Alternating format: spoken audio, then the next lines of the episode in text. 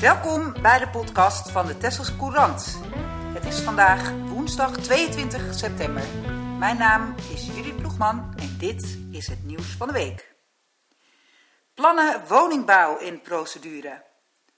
De bestemmingsplannen voor vier woningbouwlocaties in Den Hoorn, Oude Schild, De Koksdorp en Oostrent gaan waarschijnlijk aan het eind van dit jaar in procedure.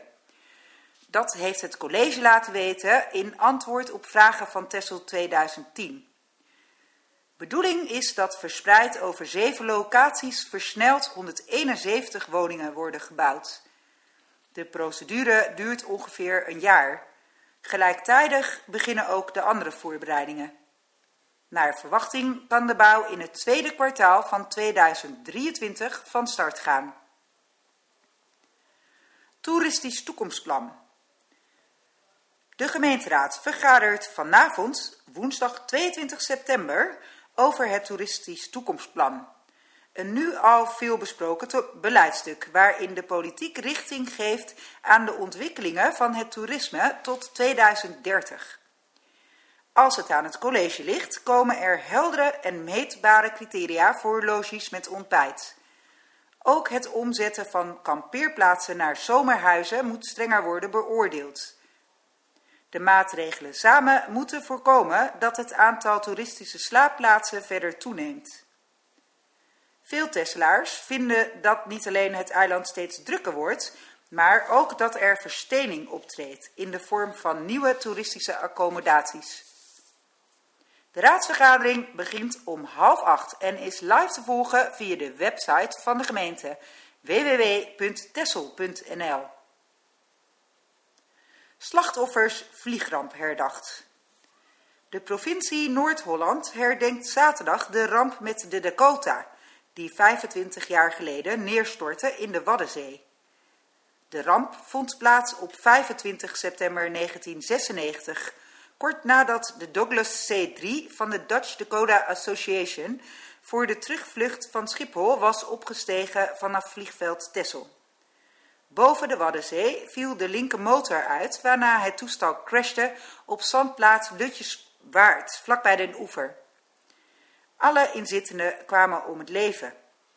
Het gezelschap bestond uit 23 medewerkers van de toenmalige dienst Wegen, Vervoer en, Wegen, Verkeer en Vervoer van de provincie, drie medewerkers van bouwbedrijf Ballast Nedam en zes bemanningsleden.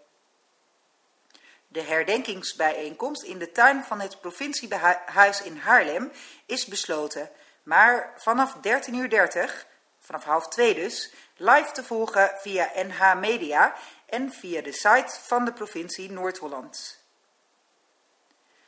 Archeologisch onderzoek op locatie Jelleboog. Een heel spannend hoekje dat hopelijk antwoorden zal geven op vragen over de situatie in de middeleeuwen dat zegt gemeentelijk archeoloog Michiel Bartels over het onderzoek dat Archeologie West-Friesland uitvoert op het terrein van de voormalige discotheek De Jelleboog. Het binnenste deel van Den Burg werd in de middeleeuwen omringd door een verdedigingswerk. Die liep waar nu de burgwal is en in het verlengde daarvan de kantoorstraat. Bartels hoopt daar meer over te ontdekken. Misschien nog wel interessanter is volgens de archeoloog de vraag of er resten worden ontdekt uit de tijd voor Den Burg ontstond. Wellicht zijn resten van een Friese nederzetting onder de oude gracht te vinden.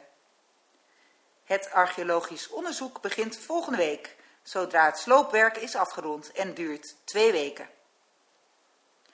Larissa en Imke gehuldigd.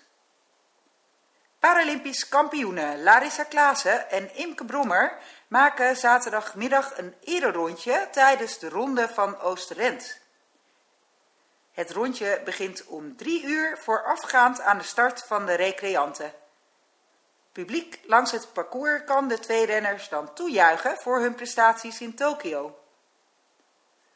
Voorafgaand aan de ronde is er een bijeenkomst voor Larissa en Imke in de Bijenkorf. De bijeenkomst is besloten, maar wel rechtstreeks te volgen via een livestream van Tessel Kijken en Luisteren.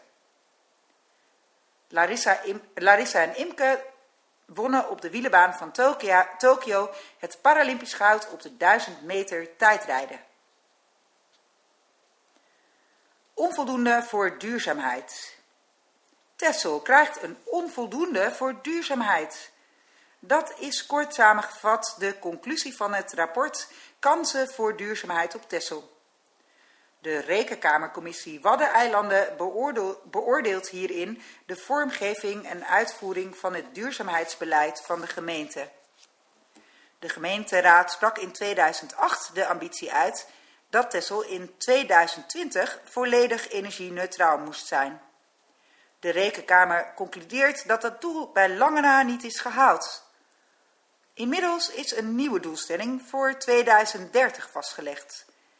Minder eenduidig geformuleerd in termen van zoveel mogelijk energie-neutraal. Dat maakt het lastig om de mate van realisatie te kunnen beoordelen, zegt de Rekenkamercommissie. Begin november wordt het rapport besproken door de gemeenteraad. Schade door opspattend grind. Diverse auto's hebben op de hoofdweg in Eierland schade opgelopen door opspattend grind. De steentjes spatten op van de fietsstroken die vorige week langs beide zijden van de weg zijn aangebracht. Het grind rode steenslag moet verkleven aan een hechtingslaag op de weg en dat heeft even tijd nodig. Garages op het eiland kregen diverse auto's ter reparatie voor schade aan ruiten en carrosserie. Ook raakte minstens één auto in de slip. Op het gemeentehuis waren tot maandag 20 telefoontjes binnengekomen. Volgens een woordvoerder heeft de gemeente zich aan de richtlijnen gehouden door de aanleg van de fietsstroken van tevoren bekend te maken en door een tijdelijke adviessnelheid van 30 km per uur af te geven. Het overtollige grind wordt binnen twee weken verwijderd. Mensen met schade kunnen daarvan melding doen bij de gemeente. Het staat een ieder vrij om er verzekeringswerk van te maken. Hoge Israëlische onderscheiding. De in 1949 overleden Kraantje Kooimandros uit Den Burg krijgt postuum de Yad Vashem toegekend. Dat is een hoge Israëlische onderscheiding voor niet-Joden die in de Tweede Wereldoorlog met gevaar voor eigen leven Joden het leven hebben gered. Kraantje Kooiman, bijgenaamd Tante Krien, was de weduwe van Jacob Kooiman, in de jaren twintig eigenaar van de Tesselse Courant. Dankzij haar ontkwamen in 1944 de Joodse zakenman Eli Flessing, zijn vrouw Johanna, Johanna de Miranda en hun drie kinderen Flip, Ron en Hans aan de gaskamers. Flessing beweerde dat hij niet van Joodse afkomst was, maar een buitenechtelijk kind van Kraantje Kooiman. Kraantje hing precies hetzelfde verhaal op en bleef dat tijdens verhoren door de Duitse bezetter bij hoog en laag volhouden. Een heldendaad. Als de Duitsers haar niet hadden geloofd, zou het ongetwijfeld slecht voor haar zijn afgelopen. Ronde van Oost-Rent. Het kappersbogie, de Col de Guillaume en de Ronde Mis. Terugkerende elementen in de Ronde van Oost-Rent die zaterdagmiddag wordt verreden. Het wielerevenement begint om 1 uur en bestaat uit verschillende onderdelen. De laatste race voor de wedstrijdrijders gaat om 4 uur van start. Vanaf 3 uur is er een pauze waarin Paralympiërs Larissa Klaassen en Imke Brommer worden gehuldigd. Spreekstalmeester Edgar Klippel voorziet de verrichtingen van de renners van deskundig commentaar. Opgave kan nog via de website van Wielersport Tessel. De eeuwige strijd tegen de waterwolf. De duinafslag aan de westkant van het eiland moet worden gestopt. Ondanks de miljoenen die er jaarlijks aan worden besteed, verdwijnen telkens grote hoeveelheden duinzand in zee. De toestand begint verontrustend te worden. Alarmerende woorden van burgemeester Engelvaart in het eindejaarsinterview in de Tesselse Courant van 29 december 1978. De toestand was zo ernstig dat hij vreesde dat de Mokslootvallei spoedig onder water zou lopen, met alle gevolgen voor de waterwinning en het natuurgebeuren. Ook natuurgebied De Mui en camping Kogerstrand liepen gevaar. Anno 2021 is er geen sprake meer van paniek, maar de kustafslag is nog steeds een probleem. Vooral bij paal 9 verdwijnen ieder jaar grote hoeveelheden zand in de golven en is om de paar jaar een suppletie nodig.